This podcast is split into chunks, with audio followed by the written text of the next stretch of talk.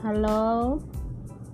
Ya, jadi ini pesan pertama gua di Anchor ini.